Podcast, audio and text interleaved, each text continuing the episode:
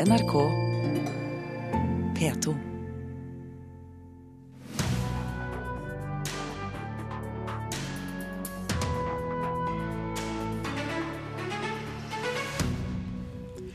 Norske boligfotografer sender bildene til Asia for bilderedigering. Skammelig og trist, sier norsk fotograf.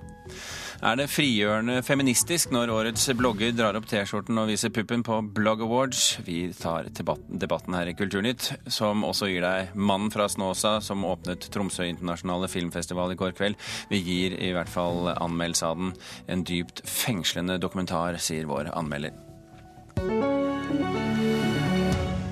Vi skal også anmelde en kunstutstillingsprotest. Det er eh, kunstneren Per Maning som går i forsvar for Edvard Munchs Ekely og, og, bevaringen av det området i eh, Oslo. Vi kommer tilbake til det i slutten av eh, denne sendingen.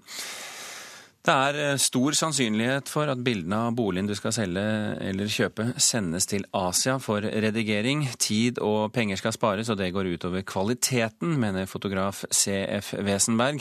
Men eh, prosjektet å få gode bilder til en billig penge på kort over natten, det har vart lenge i Norge nå. Ta bildet hjemmefra. Inn mot stua, så tar bort eh, i den nyvaska leiligheten har fotograf Frode Vigtil starta jobben med å ta bilder. Telysene er tent og de røde eplene er satt fram. Det er tross alt bildene som skal gjøre mye av salgsjobben. Bildene Vigtil tar, blir sendt til Vietnam eller Thailand i løpet av kvelden. For så å bli returnert, ferdig redigert, i løpet av natta. Det har vært vanskelig i starten å tenke på at det skulle leveres ut og få et eh, annet produkt enn du sjøl sto for. Men de eh, første par årene så slet vi egentlig med å godta det. Vi så resultatet var ikke helt perfekt i forhold til det vi ønska. Og så mista vi litt sånn personlig preg på det. Så, men eh, nå er det jo blitt helt annen verden nedi der. Er profesjonalisert, og de har utbedra produktet så bra at nå vil de gå tilbake. Ned. Jeg syns det er rett og slett skammelig og trist at det gjøres. Det mener CF Wesenberg, fotograf i Kolonihagen fotografbyrå i Oslo, om at bildene sendes til Asia for redigering. Han er også boligfotograf, men i motsetning til fotografene i Inviso, gjør han hele jobben sjøl. Men Wesenberg kan forstå effektiviteten i det når fotografene slipper billedredigeringa. Er ingen problem å forstå det, men da leverer han fra seg halvparten av håndverket sitt. Det betyr egentlig at det fotografen gjør, er at han driter litt i hva han eller hun holder på med, fordi de leverer det bare fra seg. Pål Roppen er administrerende direktør i Inviso, et selskap som tar bilder av 40 000 boliger hvert år. Han viser fram bilder som er redigert i Asia, noe Inviso har drevet med i over ti år, og som ifølge dem har blitt helt vanlig i bransjen. Grunnen til at vi sender det til Asia, det er jo at det både er tidseffektivt. Som jeg forklarte, så foregår jo da dette på nattestid, norsk tid. Eh, samtidig så er det jo også en, eh, en, kostnadseffektiv måte å redigere bildene på. Fargene er endra på bildet Roppen holder i handa, sammenligna med originalen. Og ofte blir bildene også manipulert. Det vi tillater de å gjøre med bildene i forhold til manipulering, det er egentlig bare to ting. Det er å bytte bytte eh, grå himmel med blå himmel. Og de kan også eh, såkalt montere inn eh, flammer i en peis. Bare sett inn på soverommet. Ja. Vigtil er snart ferdig med jobben og skal videre til neste oppdrag. Noe som er mulig siden han ikke skal redigere bildene sjøl. Men han er bekymra for hva framtida kan bringe. Mer og mer redigeringer i Thailand. Akkurat det er jeg ikke så veldig glad for, men eh, jeg tror ikke vi greier å stoppe det. Det kan jo være en, en, fare for at det blir mindre og mindre bruk for oss, da, og kompetansen vår. da. Ja, Det sa fotograf Frode Vigtil, og reporter her det var Kaja Kristin Næss. Leder Truls Løtvedt i Norges Fotografforbund, blir det mindre og mindre bruk for fotografer i Norge? Nei, Det håper vi jo slett ikke. Vi har vel et eh, ønske om at våre medlemmer og alle andre profesjonelle fotografer skal eh, anerkjennes for det de kan, og det de kan bidra med i en, eh, i en hvilken som helst sammenheng. Nå er det jo eiendomsfoto vi snakker om her, men Men håper, sier du. Betyr det at du er usikker? Godt spørsmål. Vi, vi har vel en vi har, vi har, en tro på at hvis vi er tålmodige og greier å, å, prof, å, profilere det som er forskjellen mellom et profesjonelt resultat og en amatør sin knipsing, så greier vi å få oppnå anerkjennelsen for det profesjonelle resultatet vi kan levere. Men vi snakker vel ikke om en amatørs knipsing her? Vi snakker om et, et veletablert uh, firma som driver med fotografi, men som setter en del av jobben bort uh, i utlandet? Ja, Du har kanskje misforstått uh, hvis du tror at jeg er imot å sende ut ting til utlandet. Jeg har, nei, nei, nei, jeg, jeg har ikke ville, noen uh, det, ingen... altså, Konflikten står bare ikke mellom uh, litt sånn gøyal knipsing privat. Det er ikke det vi snakker om. Nei, det er jeg klar over, det, og det, det, er jeg veldig med på. Jeg, og jeg kan være veldig enig med CF at hvis noen gir fra seg kontrollen over sitt arbeid, og, sender det ut og ikke opprettholder sin profesjonelle kontroll over det ferdige produktet, så er det forkastelig og skammelig, for å bruke hans ord. Mm, men, men, han bruker også, for å sitere ham da, i, i, siden det er på P2, altså han driter Han sier at fotografen driter i yrket sitt. Ja, det får stå for hans, eh, hans uh, saying, men det er selvfølgelig mange som jobber i eiendomsfoto, jobber, og som tidligere har jobbet. Jeg sier ikke at det gjelder det firmaet vi snakker om her nå, men mange blir presset på tid og har, har måttet renonsere på sine egne krav til kvalitet for å tilfredsstille eiendomsmegleren sine behov. Og det er jo ikke bra. Men er, er, de bildene vi ser, er, mener du at det ikke er god nok kvalitet? De som er redigert i, i f.eks. Eh, Asia? Det, jo, det, står jo ikke Asia, Made in Asia på de, så jeg kan ikke vite om de er redigert i Asia eller ikke. Det har jeg ingen formening om i det hele tatt. Og jeg har aldri brukt de tjenestene sjøl, så jeg vet ikke akkurat hvordan det er. Men rent prinsipielt så er det ingenting i veien for å bruke tjenester ute. Det gjør vi jo på andre ting òg. Er fotografyrket i fare? Fotografyrket vil eh, måtte eh, bestå som yrke. Eh, vi har en, en utfordring når det gjelder å påvirke utdannelse av profesjonelle fotografer med tilstrekkelig høyt nivå. Der jobber vår utdanningskomité med å påvirke de prosessene som skjer i det offentlige. Men, men, utenom det så er det klart alle er jo fotografer. Alle kan jo kalle seg fotograf. Det er jo ikke, en, er jo ikke en eh, beskyttet tittel engang.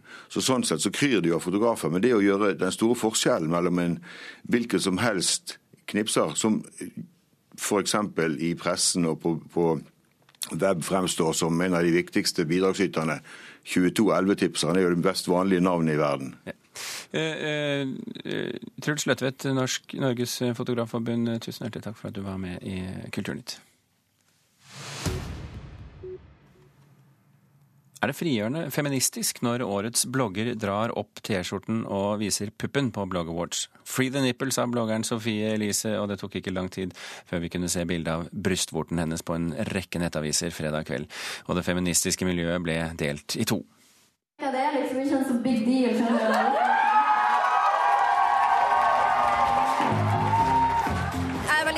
Det der at brystvorte skal være så veldig sånn fy-fy. Det er jo ikke det. Det er jo helt naturlig. Hadde en gutt gjort det, så hadde det ikke vært noen big deal. Og jeg har tenkt veldig masse på sånn free the nipple og legge ut bilder av meg sjøl, men jeg vil heller gjøre det der på scenen. Ja, Det sa Sofie Elise, Norges mektigste blogger, Norges mektigste medieperson. Vi har selvfølgelig invitert henne hit i dag, og i går også for så vidt, men hun har ikke ønsket å stille til eh, verken intervju eller debatt. Vi har derimot fått eh, Hedda Lingås Fossum, redaktør i det feministiske magasinet Fett. Hvordan reagerte du da du så eh, brystvorten til Sofie Elise? Nei, jeg tenkte jo at det var et litt interessant uh, stunt. Og særlig da jeg hørte at hun refererte til denne Free the Nipple-bevegelsen, som jo uh, handler om å avseksualisere kvinnebryster.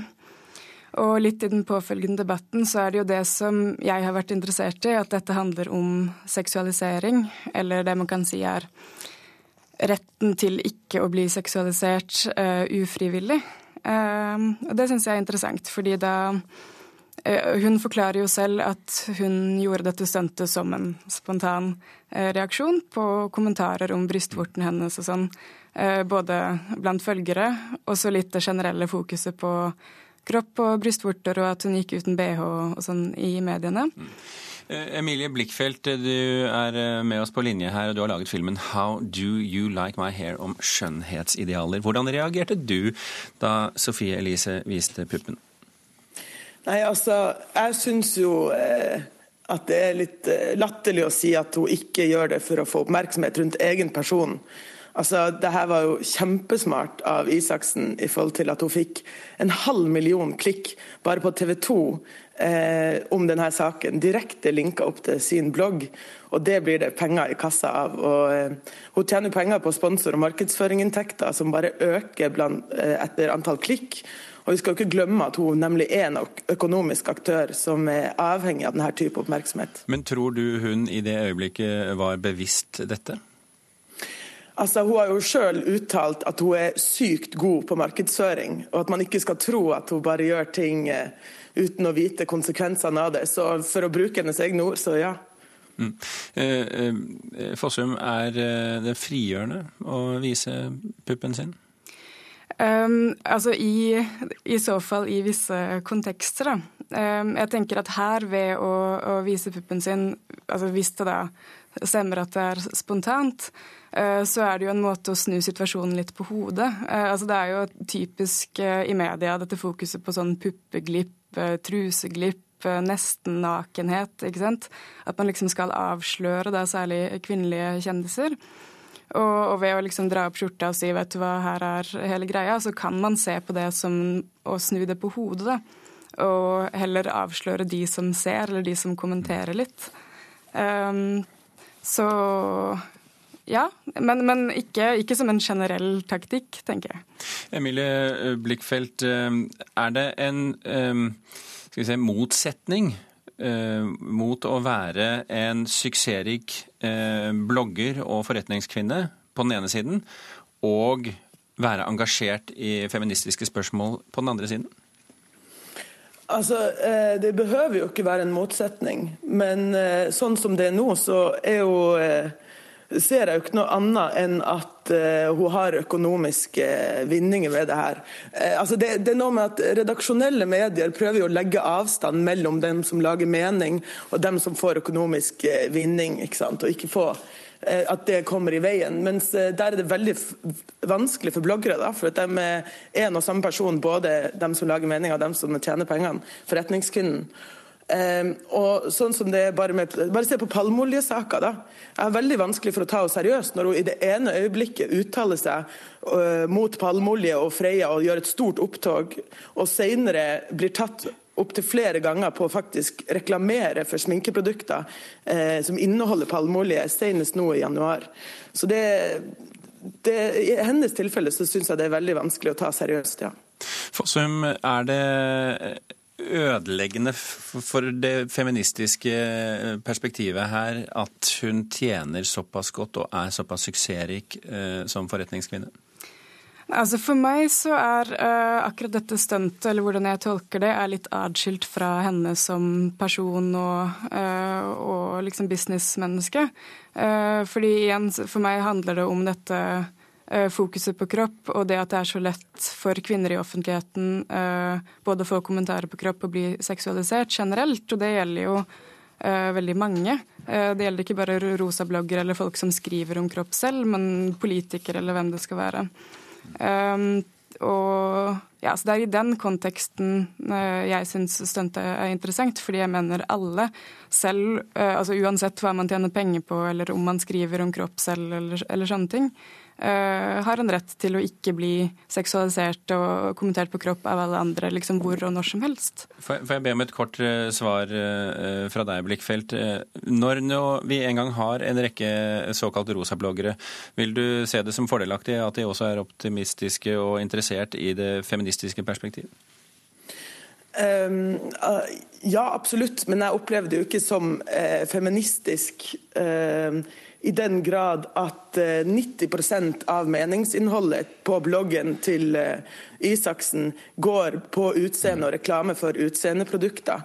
Og Idet vi begynner å omtale henne som seriøs samfunnsdebattant, så legitimerer vi også det kroppspresset som hun utsetter sine følgere for, som er helt nede i åtteårsalderen, ifølge henne sjøl. Altså, hun får, får 50 000 unike klikk hver dag, og det blir nok bare enda flere av denne debatten. Vi er nødt til å runde av der, Emilie Blikkfelt. Tusen hjertelig takk for at du var med oss på linje i en travel hverdag. Takk også Hedda Lingås Fossum, redaktør i Fett, for at du var med her i studio.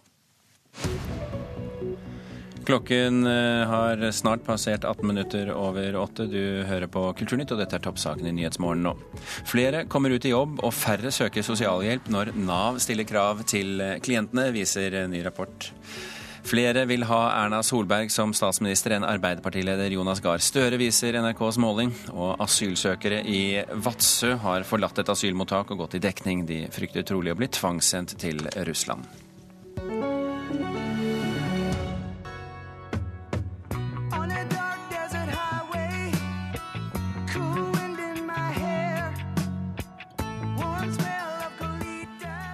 Det er få med en viss interesse for eh, popmusikk som ikke vet at dette er Hotel California av Eagles.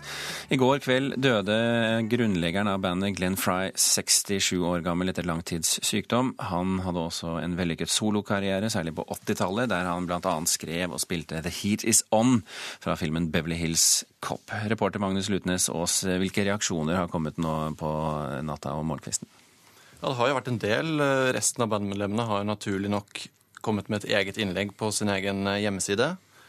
Der skriver de at eh, ord ikke kan beskrive sorgen, kjærligheten, respekten de hadde for alt Fry ga både dem, sin egen familie, musikken generelt og alle de millioner fans hele verden over som elska Eagles. På Twitter har også bl.a. artistene Ryan Adams, skuespiller Miles Teller og poprockbandet One Republic vært ute og hylla Fry. One Republic skriver f.eks.: eh, Hvil i fred, enda en legende.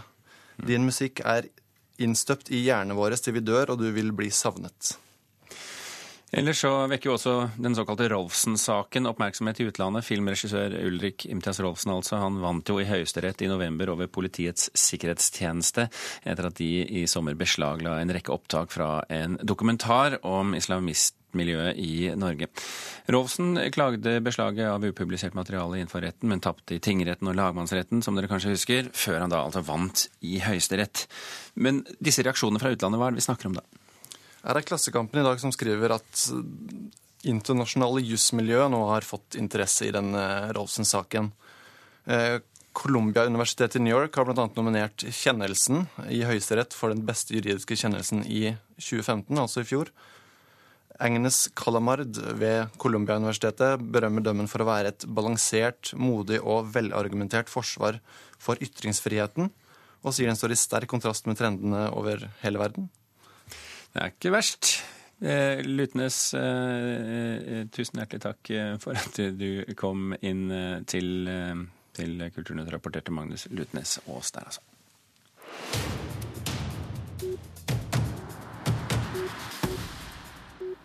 I går kveld åpnet Tromsø internasjonale filmfestival med urpremieren på 'Mann fra Snåsa', Margaret Olins dokumentar om håndspåleggeren Joralf Gjerstad. NRKs anmelder Birger Vestmo sier at dette er en dypt fengslende film om en ambassadør for det gode.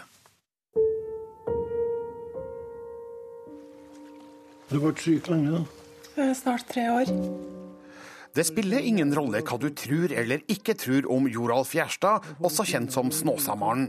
Er det en dokumentarfilmskaper jeg stoler på, så er det Margaret Olin. Og hun har laga en dypt fengslende film om han, som kun har stjålet en kjent Hollywood-tagline, You Will Believe. Filmen i seg sjøl er nøkternt laga, uten store formmessige krumspring. Den trenger det heller ikke, for her holder det med fokus på interessante subjekter. Mannen fra Snåsa holder meg konsentrert og engasjert gjennom hele spilletida, både pga. godt håndverk og en spennende tematikk. Og at det virkelig skjer noe med folk når de får Gjerstads varme hender på seg, blir vanskelig å fornekte etter denne filmen. Når det kommer nerver av folk som er sjuke. Da får jeg signal i min egen kropp. Joralf Gjerstad er landskjent for sine påståtte evner. Riktignok har han slutta å ta imot folk, men har gjort et unntak for denne filmen. Utvalget er tilfeldig, skal vi tro en tekstplakat. Olin skildrer de her møtene gjennom Øystein Mamens oppmerksomme kameralinse, som fungerer som en nøytral observatør av det som skjer. Enten det er bygningsarbeideren med fallskade, skuespilleren med angst, den lille jenta med låsninga, dama med brystkreft, tenåringen med ME eller eller hun som har medfødt vannhode, møter gjesta dem med den samme varme imøtekommenheten og oppriktige interessen. Jeg vet bare ikke hva jeg skal gjøre for. Det bare gjør så vondt. Det store spørsmålet er sjølsagt hvorvidt Joralf Gjerstads evner er virkelige eller ikke. Ser vi mirakler skje foran kamera? Gjerstad og hans varme hender ser i hvert fall ut til å finne ut ting om de besøkende som han umulig kunne vite på forhånd, og man får inntrykk av at de har en absolutt følelse av at noe spesielt skjer med dem. Det er noen fabelaktige sekvenser i denne filmen der man kan få både klump i halsen og undring i sinnet av de besøkendes reaksjoner. Den er òg helt ærlig på at effekten er forbigående for noen, og at andre ikke kan hjelpes i det hele tatt. Lettere? Ja! Hvordan gjorde du det? Det går en strøm av menneskelig godhet gjennom filmen, som òg er Olins uttalte motivasjon for å lage den. Joralf Gjerstad fremstår som det godes ambassadør, slik hun portretterer han. Om hans hender virkelig kan omgå legevitenskapen, får bli opp til den enkelte tilskuer å bedømme. Filmen gir ingen svar på hva som forårsaker det her, om det er snakk om placeboeffekt eller en annen form for psykologisk virkning. Heldigvis, får han si, for det gjør mannen fra Snåsa desto mer gåtefull, spennende og interessant. Men det fineste som er skapt, det ser ut. Og det er mennesket. I formiddag får vi vite hvilke ti norske finalister som skal delta i Melodi Grand Prix. I alt fikk NRK inn 1000 bidrag. Og Grand Prix-general, som det heter, eh, du har eh, vært med, Jan Fredrik Karlsen, i å plukke ut ti av 1000. Det er altså 1% Var det lett? Nei, altså det vil jeg jo ikke si at det er en lett oppgave. Eh, Det er en fantastisk gøyal oppgave. Det er spennende, og det er eh, Jeg er veldig ydmyk som har fått eh, du- den er du- jobben. Er du ydmyk? Jeg har alltid vært veldig ydmyk, men jeg er, men jeg er likevel offensiv og har troen på at jeg kan bidra til å gjøre, gjøre spennende valg som gjør at folk får tilfredsstilt det engasjementet som bor i folk da, når det kommer til Grand Prix. For folk elsker Grand Prix. Du, du fikk jo denne jobben i fjor, men dette er altså første gangen det er liksom eh, du som har gjort utvalget, for å kalle det det. Eh, Hvordan kommer vi som seere til å merke det? Ehm, jeg, altså, jeg handler veldig ofte når det kommer til musikk og velge låter, så handler det om instinkt. Det handler om den første umiddelbare følelsen når du hører en låt. Og så er jeg sånn Jeg er, jeg er ganske sånn altså, hva skal jeg si? Jeg elsker kommersiell popmusikk. Bred popmusikk som kan treffe mange. Grand Prix er et program som treffer veldig mange. Så jeg har prøvd å dykke inn i ulike verdenene, men at det er låtene som styrer den in, in, instinktive følelsen av den beste låta, og det er de vi har valgt ut. Vi eh, snakket jo med deg i fjor også, da du fikk denne jobben. Eh, du har jo en mangeårig bakgrunn i musikkbransjen, og har mange folk du kjenner. Ja. Hvordan har du klart å unngå at, eh, at dine interesser, dine preferanser i forhold til de folka du har hatt med å gjøre, at det kommer inn og forstyrrer i prosessen? Nei, Det å kjenne veldig mange mennesker er ikke noe forstyrrende element. Det er en styrke, mener jeg. Men eh, når dere kommer til i dag, klokken eh, da nøyaktig 12.10 i dag, på Hvite artistene, så kommer ikke du til å tenke at nå, å ja, nå har Carlsen tatt alle sine beste venner inn, og så har alle eh, bidratt der.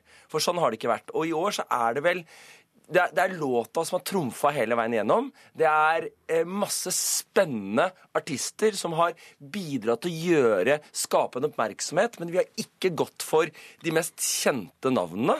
Så det er en, en spennende, veldig sulten gjeng av artister som kommer til å blø for drakta når de skal stå i Spektrum 27. februar. Betyr, det at vi ikke får Jahn Teigen og, og disse andre gutta? Jeg skal ikke avsløre noen ting, men, eh, men eh, det, det, er, det er en spennende bukett av fantastiske, spennende artister. Klokken ti over tolv, altså. Jan Fredrik Karlsen. Ti over tolv på det internasjonale internett, på NRK, overalt. Det er så fantastisk. Kunstneren Per Maning har nå kastet seg inn i kampen for å bevare Ekely, Edvard Munchs gamle tomt i Oslo, og en av de store kunstkranglene i hovedstaden, faktisk. Eh, Kunstkritiker her i NRK, Mona Palle Bjerke. Eh, Først av alt, eh, hva er Ekely? Ja, Ekeli det er jo, som du sier, den gamle tomten der Munchs store sveitservilla lå, og Vinteratelieren, som fremdeles ligger der. Sveitservillaen er jo dessverre revet i 1960. Her bodde jo Munch fra 1916 og helt til sin død i 1944, så dette er jo et sted som vi har et veldig sterkt forhold til. Fordi at dette er et landskap vi ser i veldig mange av Munchs malerier. I det lille skogholtet, i Eplehagen, fra Eplehagen, og også utsynet mot byen. Så dette er liksom veldig innarbeidet i oss som et landskap vi vi er glad i. Spørsmål nummer to. Hvem er Per Maning? Ja, Per Maning han er en veldig kjent uh, norsk fotokunstner. En veldig folkekjær. Han har også gjort seg bemerket utenlands. Han har jo vært på Venezia-biennalen, Sydney-biennalen. Er innkjøpt av store museer som uh, MoMA i New York, Kiasma i Helsinki mm. og også Stedlik i Amsterdam. Hvorfor har han engasjert seg i denne saken? Ja, som eh, mange andre så er jo dette noe som betyr noe for han. Han er jo en av de som bor i kunstnerkolonien oppe på Ekeli, og er jo fryktvel, ikke sant, at dette skal berøre Ekeli-landskapet for uh, mye. Og det han gjør da i dette kunstprosjektet, det er jo Jeg var jo egentlig litt sånn engstelig, for det er jo ganske uvanlig at et kunstprosjekt har et så direkte budskap, da. For hele denne utstillingen som man nå har på Galleri Brandstrup, det er jo på en måte et forsøk på å få Eh, byrådet til å endre mening omkring dette. Og her må vi inn og fortelle hva byrådet skal endre mening om. Ja, Det er jo nettopp dette at eh, Bjarne Melgaard eh, og Snøhetta skal oppføre et hus, A House to Die In, som det heter. Et stort kunstprosjekt ja, som tar, belegger tomten til en Munch, ikke sant? Ja, skal gjøre det. Og det vil da ikke Maning, og mange med han, og derfor har han da laget et kunstprosjekt om dette. Og det syns jeg han gjør på en veldig klok måte, for jeg tenker liksom gud, dette kan bli litt sånn kjedelig når man binder seg til ett sånt budskap. blir nesten sånn parolekunst. Men han reflekterer rundt skogen og treet som fenomen. Og det, disse bildene, disse fotografiene, som både er svart-hvitt og fargefotografier, som er hengt rett på veggen uten ramme og printet på papir, de er så sanselige og taktile at du har lyst til å legge kinnet inntil. Du, har, du syns formelig du kjenner duften av skog og trær, av kvae, av barnåler og jord. Kort, er det, er det et godt kunstprosjekt, eller er det et godt protestprosjekt? Det er begge deler, men det er, det er et kunstprosjekt som kan stå helt utenom den, dette protestprosjektet. Det er noe av det beste jeg har sett fra Maning. Han dveler ved skogen. Han viser oss hvor viktig trær er, og hvor, på en måte dette, disse magiske naturgestaltene. Og kan ses i galleri Brandstrup. I Moss. I, Oslo, I, Oslo, på Tjuvholmen. Ja, på Tjuvholmen i ja. Oslo. Ja. Brandstrup er fra Moss. Det er en helt annen sak. Eh, Gjermund Jappé, Birger Kolsrud Aasund takker for følget. Kulturnytt er slutt. Hør flere podkaster på nrk.no podkast.